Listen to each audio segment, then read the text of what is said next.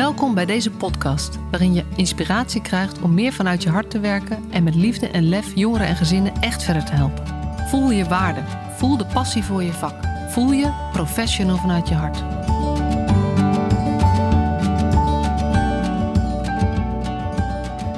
Echt heel erg leuk, je bent er weer bij. Een nieuwe aflevering van de Professional vanuit je hart podcast. En voordat ik mijn gast introduceer, even een, uh, toch weer een soort van gekke oproep. Maar ik ben genomineerd voor een award. De Vaker in de Media Award. Um, en dat gaat over dat er, uh, dat er uh, relatief weinig vrouwen in de media terechtkomen. Dat maar ongeveer een kwart van alle experts op televisie en in de kranten vrouw is en 75% man. En dat er een heleboel vrouwen zijn die vinden dat dat meer 50-50 moet worden. En uh, om die reden is deze award uh, in het leven geroepen. En uh, iemand is zo lief geweest om mij te nomineren voor de provincie Utrecht. Dus als jij het belangrijk vindt om, ehm, eh, nou niet zozeer meer vrouwen in het algemeen, maar misschien kan ook een reden voor je zijn. Als je dat belangrijk vindt, als je denkt, ja, het is goed als dat geluid van professional vanuit je hart als dat breder verspreid wordt, is dit echt een mega kans om weer wat extra publiciteit te krijgen. En dan zou ik je willen vragen om op mij te stemmen. Dat kan op de website www.vidm.nl. Uh, en dan kom je meteen bij de, uh, bij de verkiezingen uit. Kan je scrollen naar provincie Utrecht, want daar woon ik. En dan kan je uh, op mij stemmen. En daar ben ik je dan eeuwig dankbaar voor. Als je daar dan toch zit.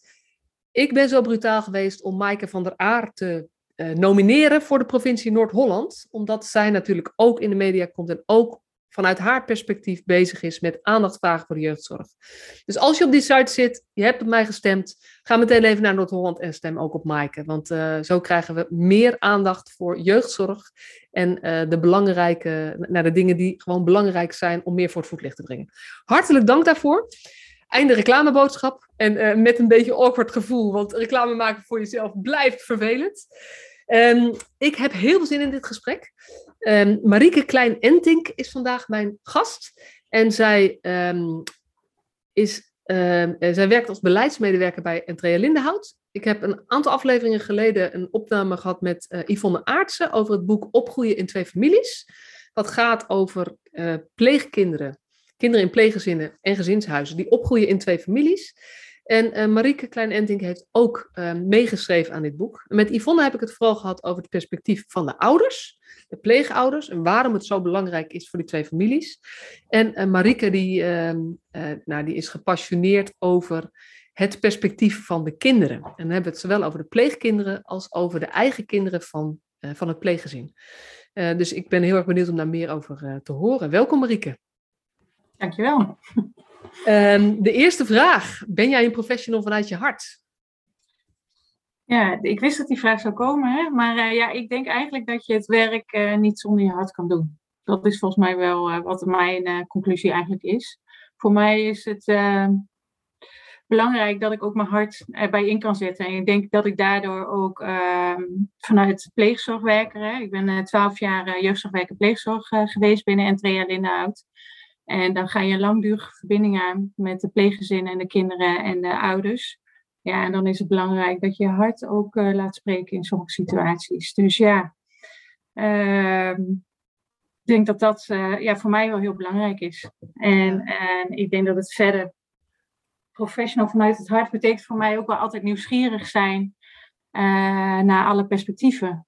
En uh, willen weten waarom uh, mensen zo reageren zoals ze reageren. Of hoe je mensen weer bij elkaar kunt brengen. Of nou ja, welke mogelijkheden er zijn. Ja, voor mij zijn dat wel een beetje de punten die ik belangrijk vind in mijn werk, denk ik. Ja. ja. En is dat, is dat vanaf begin altijd zo geweest? Of is dat op een gegeven moment bewuster geworden of groter geworden? Nou, het is, denk ik altijd wel zo geweest. En ik merk wel bij de pleegkinderen waar ik ook het een en ander heb meegemaakt in de situaties in al die jaren. En dat je ook nu ze volwassen zijn, dat je af en toe nog eens contact hebt met ze. Dus ik denk wel dat dat ook maakt dat ja, wanneer je hart niet hebt gebruikt, dan, dan uh, heb je denk ik ook een andere band met deze kinderen.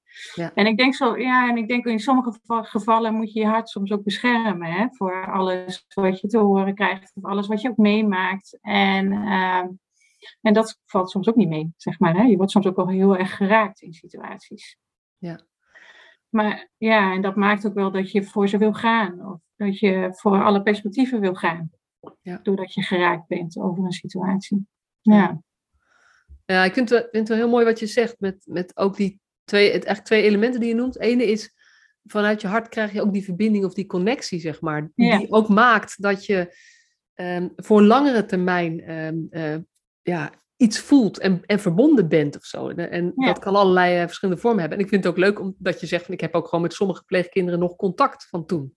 Ja. Wat al bijzonder is in ons werkveld. Omdat toch best wel uh, de insteek is, nee, als, je, uh, als je professionele betrokkenheid klaar is, dan heb je geen contact meer of zo. Dus ik vind het wel mooi. kan je er iets over vertellen? Hoe ziet dat er dan uit? Of, of heb je, ja, bij mij, ja, bij mij zijn er twee, um, zeg maar vooral als ik even twee situaties naar voren haal. is bij de ene overleed een ouder. En de andere ouder was al overleden. En ze zaten ook wel heel erg moeilijk in het verdriet. Want die vader was verslaafd en uh, de familie vond er van alles van. En, dus op een gegeven moment belden ze mij op van ja, kunnen we nog eens met jou uh, het hebben over mijn vader? En wat is er allemaal gebeurd? En, en, en uh, mogen we verdrietig zijn? En ehm, dus dat, ja, het zijn allemaal hele het zijn wel vaak situaties geweest waarin je ook echt wel pittige dingen hebt meegemaakt, zeg maar. Hè? En, en een ander meisje wat ik ook begeleid heb, die heeft meerdere plekken gehad. En bij al die plekken ben ik ook aanwezig geweest. Was ik er altijd wel. En ja, soms, ik denk dat als ze, wanneer ze op een bepaalde leeftijd zitten, hebben ze ook nog wel wat vragen, toch? Dan komen de vragen naar boven. En ik, ik eindig ook altijd zo dat ze me altijd kunnen bellen. En uh, als er later nog eens wat is. Dus uh, ja, en ik merk nu, ik, was de, ik ben dus overgestapt helemaal naar beleidsmedewerker. En toen dacht ik van, nou weet je, ik, uh, ik draag mijn gezinnen over en dat moet kunnen, hè, want die kinderen groeien op en dat is allemaal goed geregeld. En toen bleek er toch een aantal meiden die al in de leeftijd van 18, 19 zitten, van ja, maar daar hebben we helemaal geen zin in. We willen niet nog een nieuwe hulp verlenen en we hebben met jou al zo lang uh, contact. Nou ja, toen heb ik ook voor mezelf besloten om een aantal uh, jongeren te blijven begeleiden. En dat is ook wel ja, dat is ook leuk. Weet je, je blijft dan ook nog heel dicht betrokken bij de praktijk. Dus ik denk dat, ja, daarin spreekt je hart, denk ik, hè?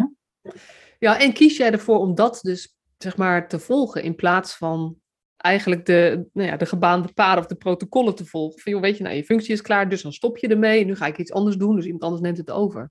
Ja. En het, het heeft ook iets, weet je, dat was dat je eerste insteek. Maar het gaat ook over luisteren naar wat dan die kinderen willen. Ja. En dan je eigen eerste gedachten daarop aanpassen. Omdat je denkt, ja, ik snap het eigenlijk wel. En, en wat zij vragen is heel redelijk. En heel, heel reëel. En ik snap het wel. En waarom zou ik het niet doen, zeg maar. Dus uh, dat vind ik ook wel mooi. Je buigt zelf wat je eerder dacht, omdat kinderen dat dan aan je vragen. Of ouders, maar in dit geval waren dat dan kinderen. Ja. Dus, uh, nou ja, pleeg, pleegouders zeiden ook al tegen mij, het is ook goed dat je een beetje met de voet in de klei blijft. Zo, weet je wel. Dus ja. Om een goed verbinding te houden. Ja, en dat is voor mij wel een belangrijke zoektocht ook in mijn nieuwe functie. Hoe hou je goed verbinding ja. met de praktijk? Ja, ja precies. Ja.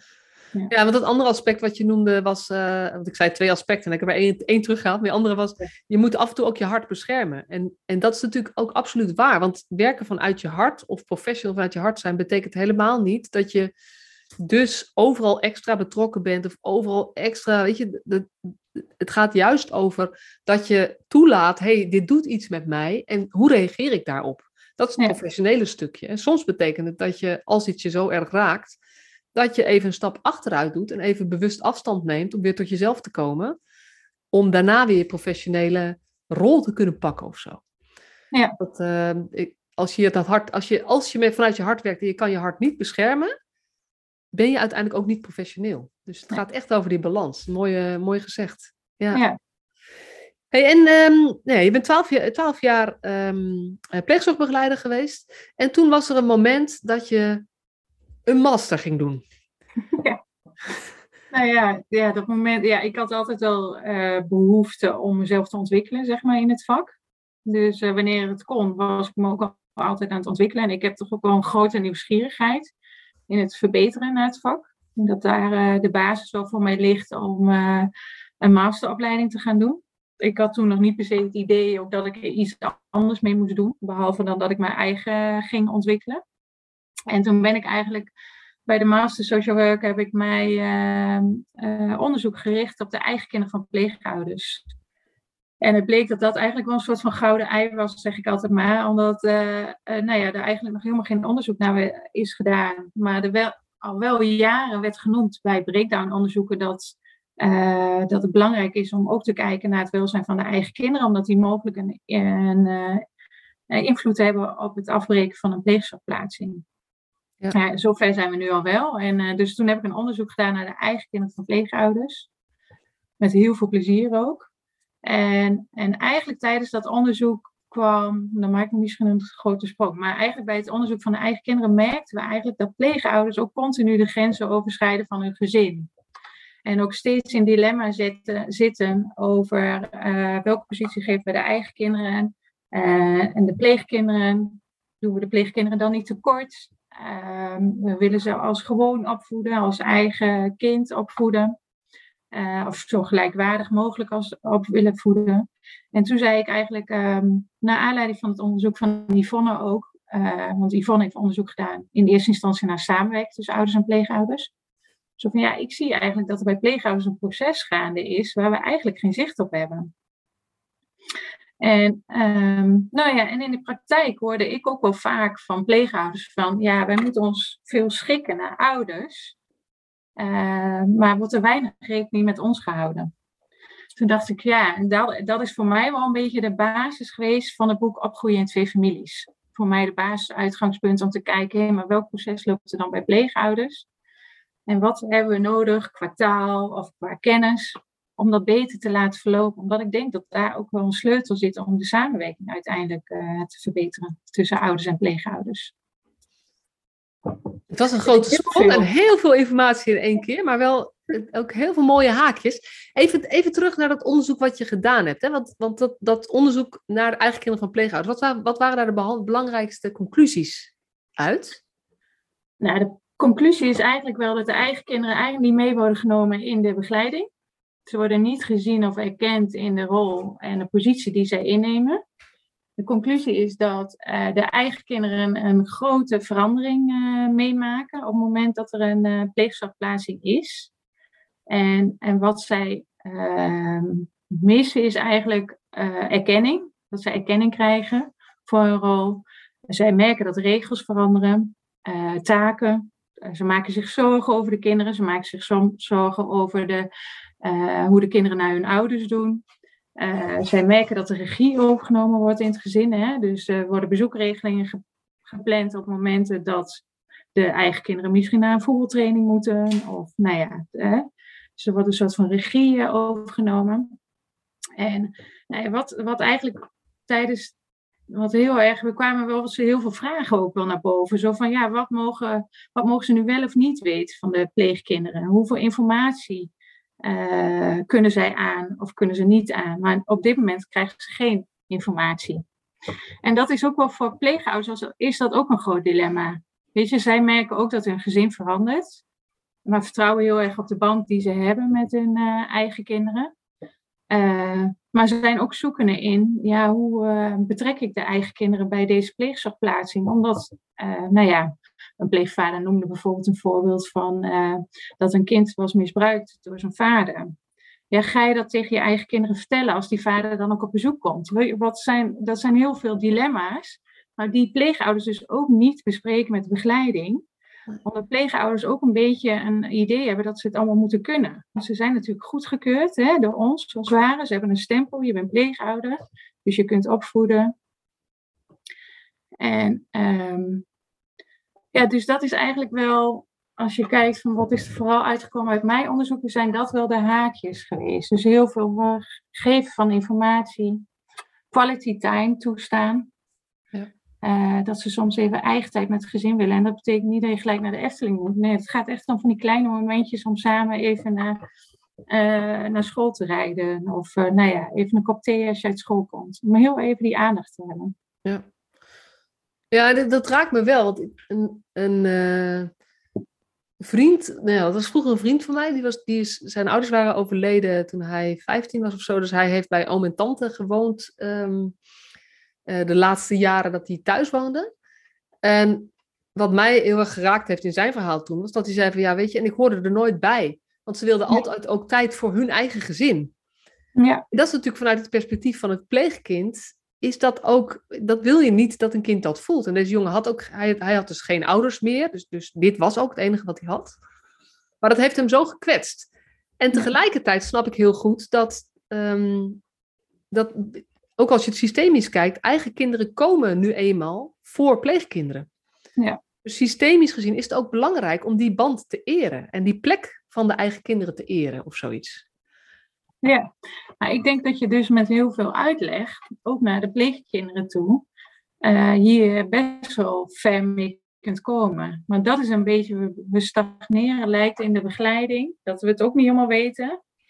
Uh, hoe we hiermee om moeten gaan. Dus dan, dus dan wordt het niet besproken. Maar ik denk als je tegen een pleegkind kan uitleggen dat het ook voor deze kinderen belangrijk is dat ze af en toe iets met hun ouders gaan doen.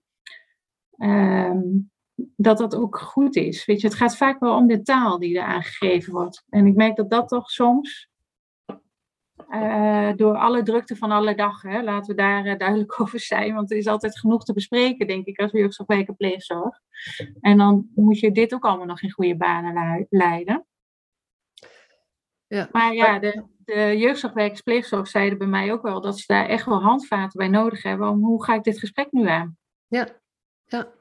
Ja en ergens komt het weer overeen met um, wat ik wel signaleer is dat we richting de, de kinderen uh, die het moeilijk hebben, dus in dit geval dan de pleegkinderen, dat we ook geneigd zijn om die te beschermen soms tegen de pijnlijke realiteit of zo. En ja. dit is eigenlijk ook zoiets. Dat, dat aan de ene kant is het heel pijnlijk, voelt het heel pijnlijk om tegen een, een pleegkind te zeggen van, hé hey joh, weet je, maar ik ga ook echt, uh, het, er is wel een verschil, want dit is wel echt mijn eigen kind, dus ik ga ook echt even tijd in hem of haar investeren. Dat wil je eigenlijk niet zeggen, om het kind niet opnieuw nee. te kwetsen, maar door het niet te zeggen en niet eerlijk hierover te zijn, blijft het ook heel verwarrend voor iedereen of zo, hoe de verhoudingen ja. liggen en hoe het allemaal is. Ja, dus dat het ergens ook gaat gewoon, gewoon eerlijker uitspreken van, joh, dit, dit is het en jij bent heel belangrijk voor mij en met jou doe ik ook dingen, maar dit is ook mijn kind en met hem, hem of haar wil ik ook zelf dingetjes doen. Ja, ik denk dat je het vooral niet te groot moet maken, want dan wordt het zo, uh, dan wordt het gesprek ook heel belastend, hè, voor iedereen. Ja. Ik denk dat je, uh, en dus daarom zei ik ook, die kwaliteit time zit ook in kleine momenten. Je hoeft niet een, uh, weet je wel, je hoeft niet apart uit eten te gaan met de kinderen of wat dan ook en je pleegkind niet. Ik bedoel, het gaat om de kleine momenten wie je kiest om toch eventjes te zien, want daar gaat het om, dat de eigen kinderen worden gezien in hun bijdrage. Ja, ja. En, en daar schort het nu wel eens aan. Ja, ja en, en dan heb je het, ja, je zegt, zijn er, allerlei, er zijn allerlei uh, perspectieven daar ook bij. Want het gaat ook over het perspectief van de pleegkinderen. Het gaat ook over het perspectief van de pleegouders. Want jij zei heel erg mooi ook zij overschrijden ook de grenzen van hun gezin doordat ze zo graag pleegkinderen recht willen doen.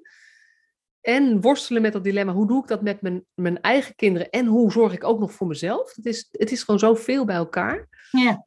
En pleegzorgbegeleiders vinden het ook lastig hoe ze dit moeten begeleiden. En ik denk gezinsvoogden of jeugdbeschermers hebben al helemaal, um, nee. weet je, die hebben een andere rol, een andere taak. Dus dit is niet hun stukje. Dit, is, dit stukje, als het bij iemand zou passen, is het bij de pleegzorgbegeleider om hier ja. aandacht voor te hebben. Ja, en dat zou op zich passen, maar sommige jeugdzorgwerkers hebben ook wel zoiets van, ja, de eigen kinderen is van, van de uh, pleegouders zelf. Hè? Dus ja, er is ook soms een beetje een uh, gevoel van, mag ik daar iets over zeggen? Mogen, we daarover in gesprek gaan? Maar dat, daarom is het denk ik zo belangrijk om het heel tijd klein te maken. Want ik weet nog dat ik in een uh, pleeggezin uh, kwam wat een crisis had. En toen zag ik een foto van vier kinderen. Ik zei, goh, jullie hebben vier kinderen. Hoe is het voor jullie eigen kinderen? En toen zegt die vrouw, je bent de eerste in acht jaar die naar mijn eigen kinderen vraagt. Dus het gaat soms ook om hele kleine vragen, hè? Zo hoe, hoe is het voor de kinderen dat uh, hier nu twee crisispleegkinderen zijn en er is van alles aan de hand?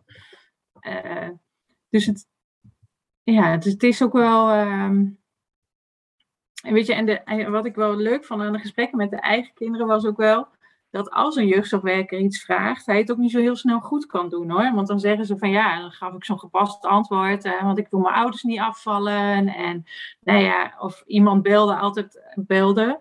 En dan altijd met dezelfde vraag. Dus uh, nou ja, dat, dat eigen kind gaf gewoon altijd, ja, ja, hier heb je mijn moeder, weet je wel, zo. Ja. Dus het is ook wel, maar ik denk, ik denk als je vanaf begin af aan een automatisme erin zet, om die eigen kinderen te zien en te weten wie ze zijn, en is een vraag te stellen over hoe het gaat of dat ze nog informatie nodig hebben. Want het is ook lastig dat ze zelf zitten te strukkelen met ehm, eh, dat ze moeite hebben met een gedrag van een pleegkind. Als ze niet weten waar het vandaan komt, ja. dan zitten ze daar zelf mee te strukkelen. En ze willen het voor hun ouders goed doen. Ze ontzien hun ouders heel erg. Hè? Ze willen het graag goed doen voor hun ouders. Ze willen daar niet lastig in zijn, want ze zien al hoe moeilijk hun ouders het hebben. Dus ja, als je van begin af aan gewoon wat kleinere momenten uh, inplant voor jezelf, hè, om daarover te hebben, dat je, nou ja, dat je al iets opbouwt waardoor eigen kinderen ook meer een stem hebben. Ja, dan moet ik aan denken dat uh, je hebt toch een soort van ja, weet je, als ik het heel zwart-wit zeg, je hebt zeg maar jeugdzorgwerkers die kunnen keihard met kinderen en jongeren. Die mhm. vinden het vaak lastiger met ouders. En je hebt jeugdzorgwerkers die kunnen ontzettend goed met ouders. En die vinden dat connecten met kinderen vaak lastiger. Ja. Dus um, het zou best eens kunnen dat de, de gemiddelde pleegzorgwerker gewoon heel goed is in dat met ouders en dat ook leuk vindt en daar, um, maar iets minder goed is in het contact maken met kinderen. En dan, als ze dan 17, 18 zijn, is het misschien nog anders. Maar zeker als ze tien zijn, is het toch een heel ander soort gesprek dan je voert, ja. je voert dan met een volwassene. Dus zit het ook in een soort van vaardigheden of aanleg of, of affiniteit? Die, die, die, die uh, hoe noem je ja, dat? Onhandigheid of zo. Nee, dat geloof ik zeker. Maar het begint denk ik ook wel bij een soort van bewustwording. Ja. Want uh, wat we hebben gezien is eigenlijk de momenten waarop we, dat het niet meer ging vanwege de eigen kinderen, waren ook echt te laat omdat pleegouders de grens al zo vaak hadden overschreden, was er ook geen weg meer terug, zeg maar. Ja. Maar is het dan belangrijk dat die pleegzorgwerker de eigen kinderen zelf spreekt? Of is eigenlijk de belangrijkste eerste stap? Ik werk altijd met 5%, hè? Dat is, wat is hetgeen wat is de eerste stap dat als je te maken hebt met een pleeggezin en er zijn eigen kinderen, dat je altijd bewust aandacht besteedt in de gesprekken die je hebt met de pleegouders. Hé hey hoe gaat dat met jullie eigen kinderen? Ja. Is dat de belangrijkste eerste stap, zeg maar? Ja, maar ook dat, ja, ik denk dat dat de belangrijkste eerste stap is. Maar ook dat er bij de jeugdzorgwerkers een bewustwording is dat, het, dat pleegouders deze dilemma's hebben. Ja, dus nog een stapje ervoor bijna. Ja, ja. Dus dan ga je ook anders het gesprek aan. Want alleen maar vragen hoe is het met de eigen kinderen, dan krijg je ook niet altijd het antwoord waarop je, omdat, zij, omdat de pleegouders eigenlijk hebben aangegeven, we zijn zo hard aan het werk, we willen alles zo goed mogelijk doen. Ja. Ehm, en we willen zorgen dat deze plaatsing positief eindigt. Dan is, dan is het wel belangrijk om van tevoren ook al kennis te hebben over, hé, hey, maar welke dilemma's lopen ze nou tegenaan? Ja. Of dat je iets meer durft door te vragen van, goh, als het pleegkind dit en dit gedrag heeft, wat betekent dat voor je eigen kinderen? Ja. Hoe reageren zij daarop? Of zien ze een verschil? Of nou ja, zoiets. Dat je Ja. En, en heb je ook daar van pleegouders reacties op gekregen hoe zij het vinden als pleegzorgwerkers daarnaar vragen? Ja, dat vinden ze eigenlijk gewoon automatisch. Dat is voor hun een, iets wat erbij hoort. Het is, zij, voor hen voelt het niet als een inbreuk op hun privacy of zo. Nee, van, hey, Je bent hier niet voor mijn eigen kinderen, je bent hier, maar je bent hier voor het pleegkind. Het is eigenlijk juist fijn. Ja. Maar weet je, kijk, als je het over. Ehm, eh, als je het met pleegouders hebt over hun eigen kinderen, dan zit je heel dicht bij hun ouderschap. Hè? Dus het is gewoon een kwetsbaar stuk waar je over praat. Dus je moet heel zorgvuldig in je gesprekken zijn over uh, dat, je, dat je bewust bent van die kwetsbaarheid. Ja. Maar dat is net zoals dat als eigen kinderen het niet zo leuk vinden soms, een, een pleegzorgplaatsing, dan is dat niet erg. Het mag soms ook niet leuk zijn. Maar pleegouders hebben dan wel, ja, maar wij hebben hiervoor gekozen. Dus het moet allemaal, uh, nou ja, wel zo positief mogelijk verlopen. Maar dat hoeft niet altijd. Je mag het soms ook niet leuk vinden. Net zoals je je eigen broers en zussen soms niet leuk vindt. Of dat je je ouders soms niet leuk vindt. Dat hoort ook een beetje bij de processen die je aangaat in de verbinding die je maakt met elkaar. Ja. En die onvoorwaardelijkheid of die liefde die dan groeit of te houden van. Dat hoort ook een beetje, dat stoeien daarin, dat mag ook. Ja, ja, en dat is natuurlijk alles wat er niet mag zijn bepaald. Ja. Dus als, als, er, als de, uh, het voor één of meer van de kinderen eigenlijk uh, sommige dingen heel erg irritant zijn of lastig zijn, of ze, ze merken dat, dat het hen, hun leven heel erg beperkt, maar daar hebben ze het gevoel dat dat, dat, dat dat er niet mag zijn van hun ouders, eh, of van, nou ja, eigenlijk van, ook van de mensen die eromheen staan, dan heb je eigenlijk meer kans dat dat ook uiteindelijk ervoor gaat zorgen dat de dingen niet meer goed lopen in zo'n gezin. Ja. Dus Ja. dat alles wat bewust is, of alles wat bespreekbaar is, is in het algemeen beter hanteerbaar. Ja.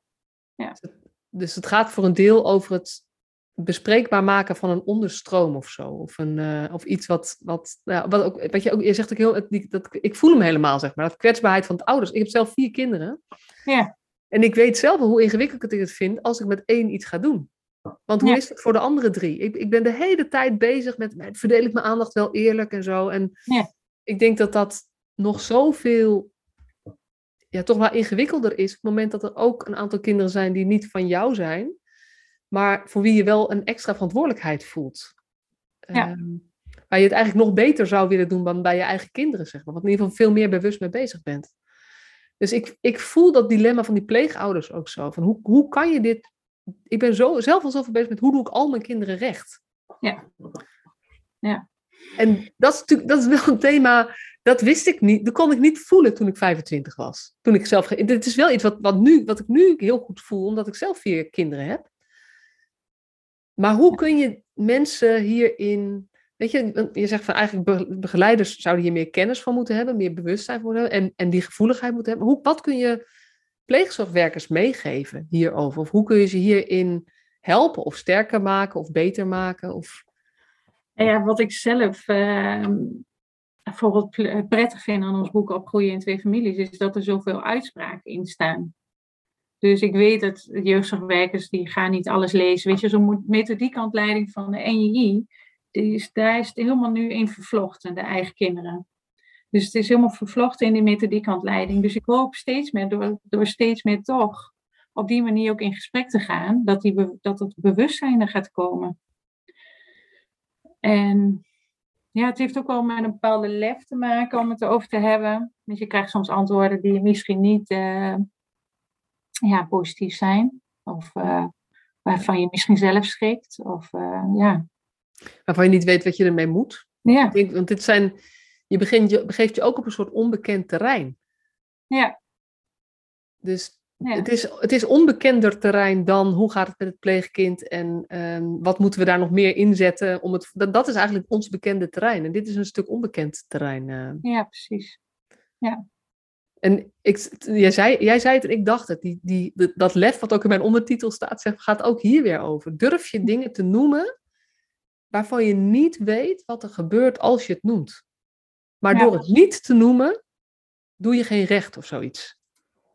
Nee, Dus, maar eh, dat denk ik. Ja, en als het dan negatief is, probeer het dan weer. eh, eh, hoe zeg je dat? Ja, dat noem ik heel tijd. Maar probeer het wat kleiner te maken weer. Weet je wel, wat gaat dan wel helpen? Ga dan weer op die krachten zitten. Ja, aan, de, aan onze jeugdzorgwerkspleegzorg le- leg ik het steeds uit als die mobiel. Weet je wel, die babymobiel, die we al jaren binnen pleegzorg gebruiken. Maar waar je dan een extra poppetje aan hangt en iedereen uit balans is. Dus hoe krijg je die mobiel weer draaiende? En dan probeer je toch echt de krachten van het gezin ook aan te spreken. Want het brengt eigen kinderen ook heel veel. Hè? Ze zijn ook wel echt wel positief over wat het ze gebracht heeft. Ga je daar eens wat over vertellen? ja, een groot deel van de, van de, eh, ehm, van de, pleeg, van de kinderen die wij hebben gesproken, zijn er ook wel een aantal die hebben gekozen voor het vak. Eh, nou ja, wat ze zien is dat er altijd, er was altijd wel iemand in huis. Ehm eigen kinderen vonden het heel mooi om herinneringen samen te maken. Dus samen op vakantie gaan als één. Dus dat er geen onderscheid was wie, eh, wie is nou wel een pleegkind of wie is niet. Nee, met z'n allen in die bus op vakantie en herinneringen maken, weet je wel. Dus dat, Ehm, ja, en ze zien ook een soort van eh, relativering, krijgen ze ook wel dat het anders kan gaan in je leven. Dus ze hebben ook wel een soort van bewustzijn van ja, we hebben ook heel veel geluk met hoe wij eh, leven met elkaar. Ja. En ehm, ja, ik denk dat dat wel de belangrijkste. Ja, wat, wat een meisje, wat vond ik wel grappig, wat zij ook zei. Zo van ja, ook al was er iets heftigs gebeurd in het gezin, of met een vader of een moeder of met een pleegkind. Maar de volgende vraag was dan van een van de kinderen: ja, wat gaan we vanavond eten? Dus ook het gewone, weet je, het, het hoorde ook zo bij hun als gezin. Ja. Dat het pleegkinderen zijn. Ja. Dus ehm, ja, de vanzelfsprekendheid dat, je, dat, de, dat de ouders zorgen voor andere kinderen. Ja. Dus dat vonden ze ook, ja, dat zijn wel de mooie, mooie punten, vind ik. Ja, en, en, en hebben ze ook iets verteld over ehm, de. Daar ben ik dan even nu, nu benieuwd naar. Weet je, alle, alle pleegkinderen hebben natuurlijk ouders. Met de Ja. meeste ouders is er ook contact, dus die komen ook af en toe in het pleeggezin. Of, of weet je, dus hebben, hebben de eigen kinderen daar ook iets over verteld, hoe zij dat ervaren? Nou ja, wat zij, nou ja, nou ja, over eh, bijvoorbeeld, eh, ik vond het wel mooi dat een van de eigen kinderen noemde bij het thema houden van. Van eh, wat zij heeft geleerd van pleegzorg is dat iedereen op een bepaalde manier houden van kan invullen. Dat hoe zij het gewend is vanuit haar ouders houden van heeft ervaren, maar dat voor het pleegkind het houden van net zo veel waarde heeft, hoe, hoe haar ouders dat invulden. Dus waar, waarvan we soms wel zeggen van, eh, ja, ze komen dan met speelgoed. Of eh, ze overladen de kinderen. Maar dat is ook een manier van houden van. Dat vond ik wel heel mooi dat een van de eigen kinderen dat ook zo kon benoemen. Ja. Zo van, ja, ik heb gewoon gezien dat er verschillende manieren zijn van houden van. En wat, wat wij hebben gemerkt en waar wij nog zelf ook wel als organisatie ook wel mee bezig zijn, is dat de eigen kinderen heel erg worden weggehouden van de ouders. Dus er wordt weinig informatie gedeeld, maar ook als er bezoekregelingen zijn, dan ehm, gaan de eigen kinderen weg of zitten ze niet in die ruimte of nou, is er bijna geen contact. En dat is ook wel wat ouders zeggen. Eh, hebben ouders ook al tegen ons gezegd dat de eigen kinderen eigenlijk een beetje, ja, daar hebben ze geen contact mee, ook geen zicht op. Of eh, ja, dat voelt allemaal heel onwennig. Dus dat zou wel mooi zijn voor de toekomst, dat we daar nog eens goed naar kijken ook. Hoe ehm, eh, die onwennigheid eruit kunnen halen. Dat ouders gewoon binnen kunnen komen en een kop thee of mee kunnen eten. Ehm, en dat en de, de eigen kinderen daar ook gewoon bij aanwezig kunnen zijn. Want de eigen kinderen vormen heel veel beelden in hun hoofden over die ouders. Ja. Dus als, eh, ze- zodra ze ervan weg worden gehouden, worden die beelden ook steeds meer werkelijkheid. Of steeds groter, of nou ja, we zullen wel niet erbij mogen zijn, omdat, nou ja, allerlei invullingen die misschien helemaal niet van toepassing zijn. Ja. Dus dan moet ook echt wel, eh, of dan moet, maar dat zou wel heel wenselijk zijn dat we daar nog eens goed naar kijken, hoe we die eigen kinderen met ouders ook in contact kunnen brengen. Ja, en ik zou me kunnen voorstellen dat een bepaalde spanning rond de bezoekregeling afneemt. Zeker. Als er meer men, dus als, als eh, er meer dynamiek is, dus meer verschillende eh, kinderen, of, of eh, in dit geval dan de kinderen, en dan niet, goh, jullie moeten ook even kennis maken met, maar juist gewoon erbij zijn, juist Ja. ook als het spannend is. Ja. Dus, en dat is een pop- podcast die nog in de pijplijn zit. Die ga je dan heel leuk vinden. Dat is met een, een vader van een jongetje dat opgroeit in een gezinshuis. Dus net iets anders dan een pleeggezin. Mhm. Uh, maar waarbij de, de kinderen van de gezinshuisouders um, eigenlijk zeggen: hij is een soort van surrogaatvader voor ons. Dus ja. die heeft zo'n plek, zeg maar, ze hebben zo'n samenwerking gekregen dat nu de, de eigen zoon van de gezinshuisouders gaat met een van de ouders van de kinderen uit dat, uh, die in het gezinshuis opgroeit, gaat hij naar Ajax toe. Ja. Dus eigenlijk een super mooi voorbeeld van. Mooi, ja. Maar waar ook, uh, het, het wordt zoveel, want eigenlijk is het natuurlijk bij een netwerk of bij een systeem, is hoe meer lijntjes er lopen, hoe steviger ook het systeem wordt. Ja. Dus dat Ja. zou wel een mooie ontwikkeling inderdaad zijn, daarnaar te gaan kijken. Ja, nee, maar het zou ook mooi zijn, weet je, als je als ouder daar gewoon naar binnen kunt komen en een gesprekje kan hebben met uh, de kinderen. Ja. Hè? Dat daar die druk er gewoon niet is. Dat je gewoon aan tafel kan zitten, dat je mee kan eten of een keer bij een verjaardag, of hè, weet je. Maar dat, dan zou, ja, waar ik al heel lang eigenlijk voor pleit, maar dan zou je eigenlijk wat af moeten van dat formele bezoekregeling. Laten we dat ja. allemaal strak vastleggen, het principe. Ja. Hoe kijk jij daar tegenaan? Ja, waar het kan, zou dat mooi zijn. Ik denk dat dat belangrijk is voor mij, zeg maar. Waar het kan, zou dat belangrijk zijn. Maar um, ik heb ook wel eens gezien dat het niet kan. Dus dat vind ik dan ook wel weer lastig om te zeggen van, ja, wat is nou mijn uh, mening daarover? Ik denk dat, want waarom zou jij het wel willen, per se, als je het in pleeggezinnen bekijkt, zeg maar? Vanuit ouders snap ik het, hè? Vanuit ouders snap ik die... Uh... Ja, maar, maar um, uh, vanuit de...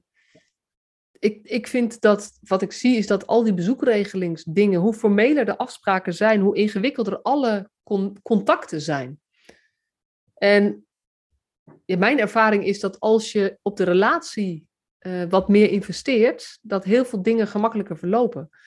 En ehm, in de relatie investeren, eh, dat gaat dus zowel tussen de eigen kinderen en hun ouders, maar het gaat dus ook tussen de, de pleegouders en de ouders. Dat kan je heel formeel met belmomenten doen. Maar ik denk als je dat wat losser laat, waar het kan. Hè? Weet je, ik, ik weet dat het niet overal kan, maar ik denk dat het veel meer kan dan we nu doen. En daar Ja. geloof ik ook van. Weet je, ik weet ook het effect van als je, eh, als je gewoon app-contact hebt en, en af en toe een leuk fotootje stuurt. Dat dat eigenlijk de, ja, hoe moet je het noemen, de olie is of zoiets, de smeerolie is voor het beter laten lopen vaak van contactmomenten. Ja. En dat we dat vaak willen oplossen met formele afspraken toevoegen. Maar dat dat eigenlijk bij iedereen een soort kramp zet en gaat denken, oké, maar mag dit dan wel of mag dit dan niet? En dan gaat iedereen in zijn hoofd zitten. Ja. En als je in je hoofd zit, is connecten veel moeilijker dan wanneer je gewoon mens mag zijn en gewoon mag doen wat ook bij jou past. En voor de een is dat appen en voor de ander is dat we gaan een tekening opsturen. Ja. En voor weer een ander is, goh, weet je, we gaan even, eh, oh, dit is leuk aan je moeder, kom, we, we gaan even je diploma laten. Dat, dat kan heel verschillend zijn juist. Nou ja, ik denk dat de basis heel erg zit bij die samenwerking tussen ouders en pleegouders. En het eh, de plek kunnen geven eh, van, het pleeg, van ouders in het leven van een pleegkind. Ik denk dat daar, eh, dat daar de basis ligt. Want ik Ja, maar dan, en dan helpt het, denk ik, als, ehm, als, als de ouders ook beter weten, hé, maar wat is dat pleeggezin nou eigenlijk voor plek? Dus als ouders ook, weet je, en we gaan het niet hebben over waarin het niet kan, maar er zijn zoveel situaties waarin het wel zou kunnen, dat de pleegouders inderdaad ook gewoon af en toe bij het gezin mee eten en niet speciaal op bezoek komen om hun kind te zien. Want ik heb daar ook van die voorbeelden gezien, dan zie je zo'n ouder, zeg maar, zich ongemakkelijk voelen, want Ja. die heeft dan op zaterdagmiddag van 1 tot 4 bezoek bij het pleeggezin. En dan, dan zitten ze in de kamer en dat kind heeft toevallig een rotbui. Eh, of, en er is zoveel spanning omheen of zo. Ja. En dat, Nou ja, ik, zeg zelf altijd eh, dat je daarin. Ik ben zelf weekend deeltijdpleegouder. Dus wij moeten, wij moeten, maar wij doen ook heel veel met moeder, omdat er niemand tussen zit. Dus bij de weekendvakantiepleegzorg zie je heel erg dat pleegouders dat gewoon met ouders zelf bepalen. Hoe laat ophalen, breng ik, haal ik, eh, dit weekend wel, dit weekend niet. Weet je, daar kan het dus wel veel meer. Ja. Dus dat zou ook mooi zijn dat je dat eh, bij de. Misschien moeten we daar veel meer naar kijken. Bij de weekendvakantiepleegzorg. Van goh, maar wat zijn daar, daarin de krachten? En ik denk toch, omdat er minder mensen tussen zitten. Ja. eh, om dat te doen. Want ik, ja, ik vind zelf altijd op een bepaalde leeftijd zijn. de- als de pleegkinderen op een bepaalde leeftijd zijn. Kunnen ze dat ook wel afstemmen. Hè? Zo van, eh, kunnen ze het aangeven dat ze meer contact willen of niet? Of hebben ze al via social media wat meer contact? Dan, dan groeit dat al wat natuurlijker. Hè? ja. Dat zou wel. eh, ja. En, dan, en dan is jouw pleidooi ook echt van la- laten we het dan ook niet sec gaan kijken. Hoe kunnen we meer contact tussen ouders en pleegouders bevorderen? Alleen maar. Maar dan gaat het eigenlijk, eigenlijk over tussen het systeem van het pleegkind. Ouders, opa's, oma's, broertjes, zusjes. Want daar hebben we het niet eens over gehad. Maar dat Nee. vind ik ook heel belangrijk. En het systeem van het pleeggezin. Dus in ieder geval ook de eigen ouders. Maar misschien ook wel een belangrijke pleegopa en oma. Dat die Ja. ook de ouders bijvoorbeeld kennen. Nee, maar dat vind ik zeker heel belangrijk. Maar kijk, nu met de eigen kinderen erbij en het opgroeien in twee families. Ik merk ook dat je als jeugdzorgwerk heb je een grote taak te doen. Als jeugdzorgwerker, pleegzorg, maar ook als pleegouders zelf. Het is een complexe taak eh, die je hebt te doen. Dus ja, er komt wel steeds wat bij. Hoe meer je met het systeem bezig bent, zeg maar, hoe groter je het systeem, hoe meer mensen er ook bij komen. Wat ook, wat ook hoort, hè? daar kunnen we ook niet omheen. Maar daar wordt het werk niet, niet per se minder eh, complex door. Ja, ehm, hoe ik het zie, eh, Ja? is dat dit is een omslag die je maakt in de manier van werken. Die investering kost in het begin. Maar als je hierin investeert, kost het je juist daarna vaak minder tijd of gedoe. Of Nee, whatever, ja, dat deel, ik, dat deel ik met jou, hoor. dat deel ik. Alleen die omslag nu, Ja. die kost heel veel tijd. Ja, ja dus, nee, en dan ben ik altijd heel simpel, zeg ik altijd in trainingen, kies voor het laaghangend fruit. Bij welke gezinnen zie je dit vrij, kan je vrij gemakkelijk wat gaan opschakelen en ga het daar gewoon doen. Ja. Want daarmee zie je wat het oplevert. Dan kan je zelf ook eh, zien wat het met jezelf doet, wat er gebeurt. En wordt het niet meteen zo spannend. En kies in die zin voor de, laten we het de makkelijkste systemen zoeken. Waar je ofwel de beste samenwerkingsrelatie hebt, waar niet allerlei ingewikkelde veiligheidsissues liggen. om, om dit gewoon te gaan doen. En ga, ik merk binnen onze sector dat we heel vaak bij vernieuwende ideeën of accent, dat we meteen gaan kijken naar de moeilijkste gezinnen en denken, ja, maar daar kan het echt niet of zo. Maar dat blokkeert ons ook bij de gezinnen waar het eventueel wel zou kunnen. Ja, precies. Nee, dat ben ik helemaal met je eens. Ja. ja. Hey, we zijn een beetje door de tijd heen, want er zijn nog wel heel veel vragen die ik zou willen stellen.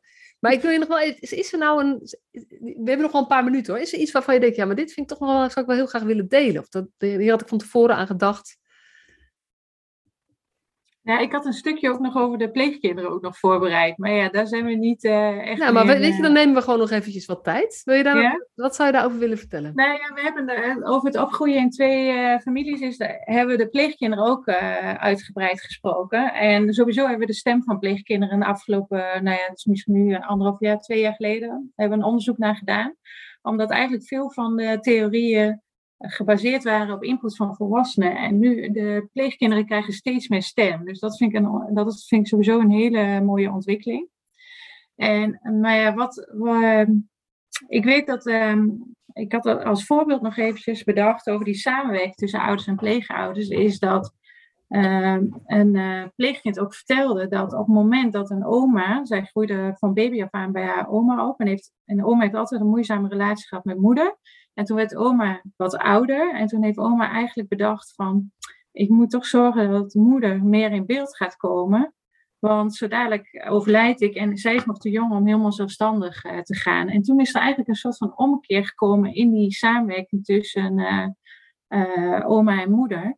Maar dat meisje kon zo mooi omschrijven wat het haar heeft gebracht. Want zij had altijd zoveel stress rondom die bezoekmomenten. Hè, dat zij het weekend naar haar moeder ging en misschien wat minder over wilde vertellen, geen leuke verhalen wilde vertellen. En bij moeder wilde ze eigenlijk geen leuke verhalen vertellen over oma. Dus zij zat altijd wel in die loyaliteitsconflict. en pas toen die samenwerking goed uh, verliep, merkte zij ook pas die ontspanning. En kon zij ook echt voluit voor hun tweeën gaan.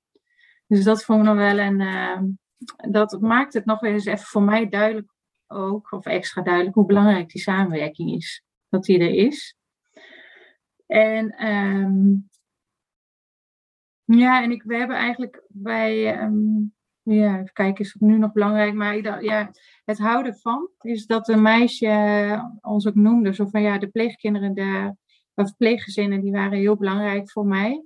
Maar wat mijn moeder ook deed en uh, hoe, ze, hoe onbereikbaar ze ook soms was, hè, want die moeder werd af en aan opgenomen in psychiatrie. Uh, toch bleef ze mijn moeder en uh, hield ik voor 200% van haar. Weet je wel, meer dan van wat ook. Dus ondanks dat zij dat soms niet voor mij kon zijn, maar bleef zij altijd wel mijn moeder. En um, ja, en dat waren, we hebben allemaal volwassen pleegkinderen gesproken, zeg maar. Hè? Dus die al wat langer, uh, nou ja, rond, rond vanaf 18, die dus ook wat meer terug kunnen kijken. Dus daarin zit voor mij ook wel heel veel sleutels om, uh, nou ja, de hulpverlening te verbeteren. Ik denk dat dat ook wel. Uh... Ja. ja, en dat, dat ik vind het heel mooi wat je vertelt. Er zitten voor mij ook veel nieuwe dingen in. Ik wist niet dat dit uit onderzoek naar voren was gekomen. Ja. Dus dat is dan, weet je, ik ben daar niet zo goed in om dat helemaal bij te houden.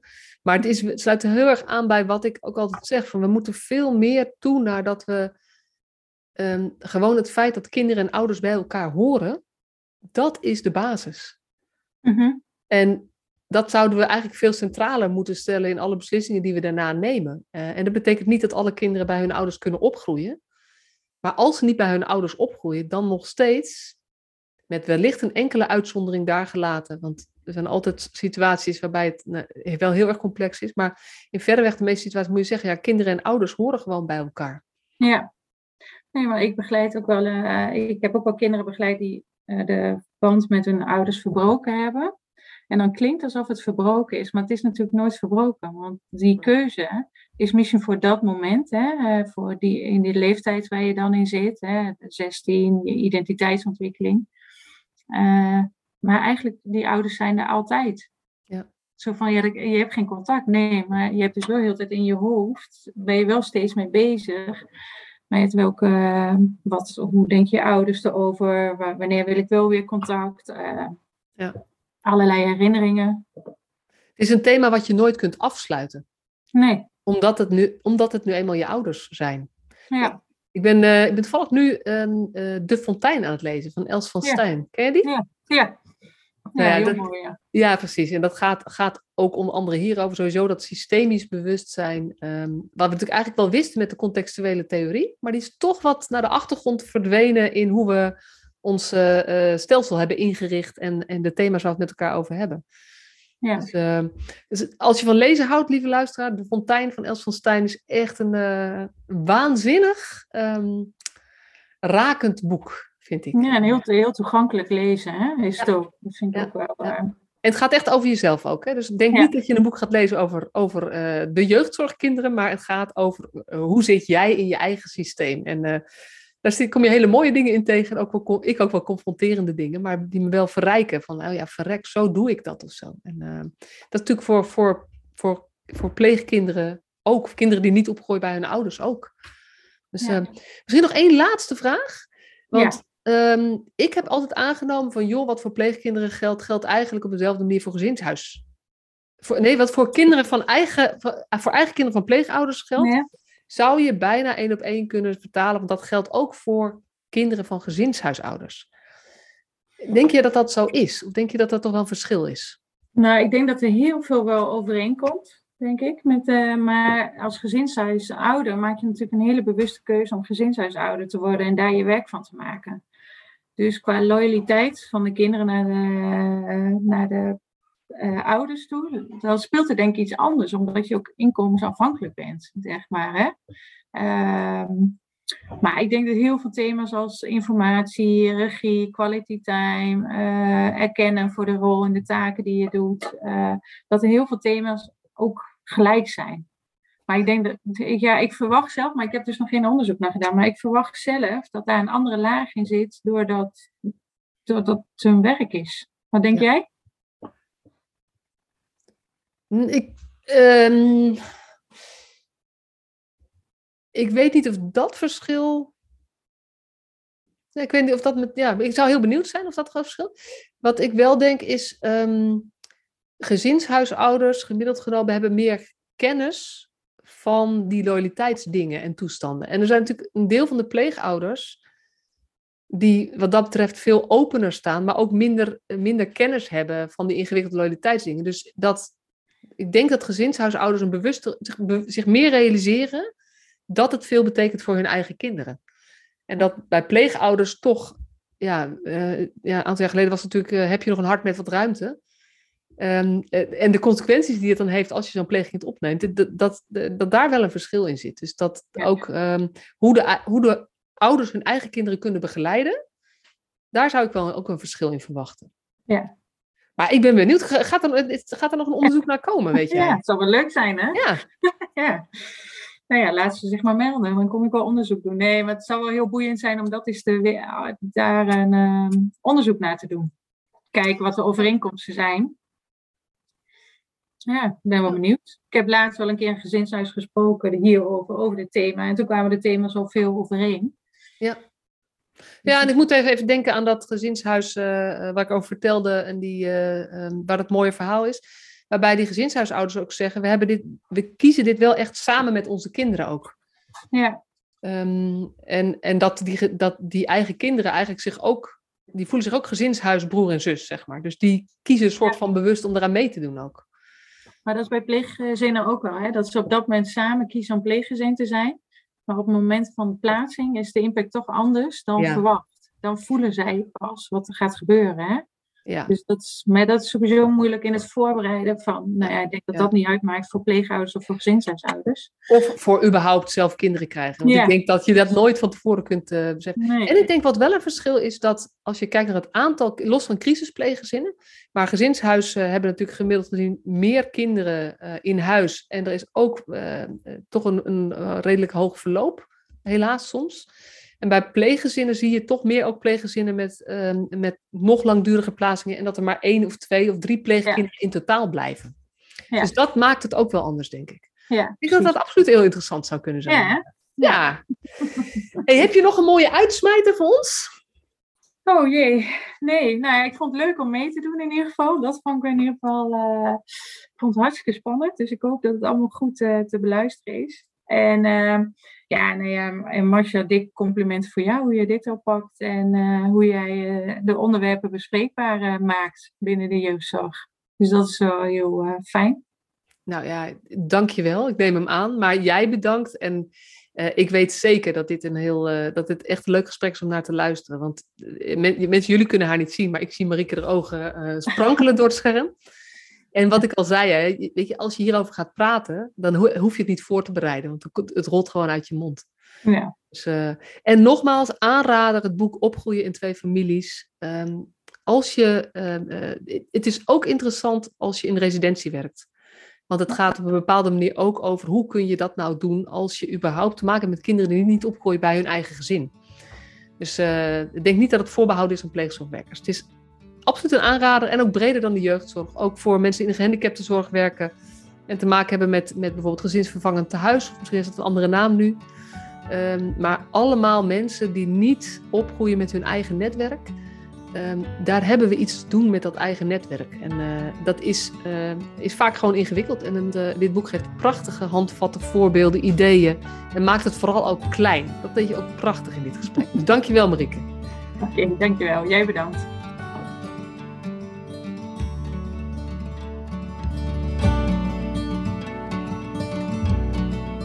Superleuk dat je weer luisterde naar deze podcast. Dankjewel. Nog even kort een paar belangrijke dingen. Ten eerste, het is mijn missie dat de jeugdhulp weer een sector wordt waarin bevlogen, liefdevolle professionals jongeren en gezinnen echt verder helpen. Daarom maak ik deze podcast voor jou. Wil jij deel uitmaken van deze beweging van Professional vanuit je hart, waarin professionals elkaar steeds opnieuw inspireren? Begin dan met het lezen van mijn boek.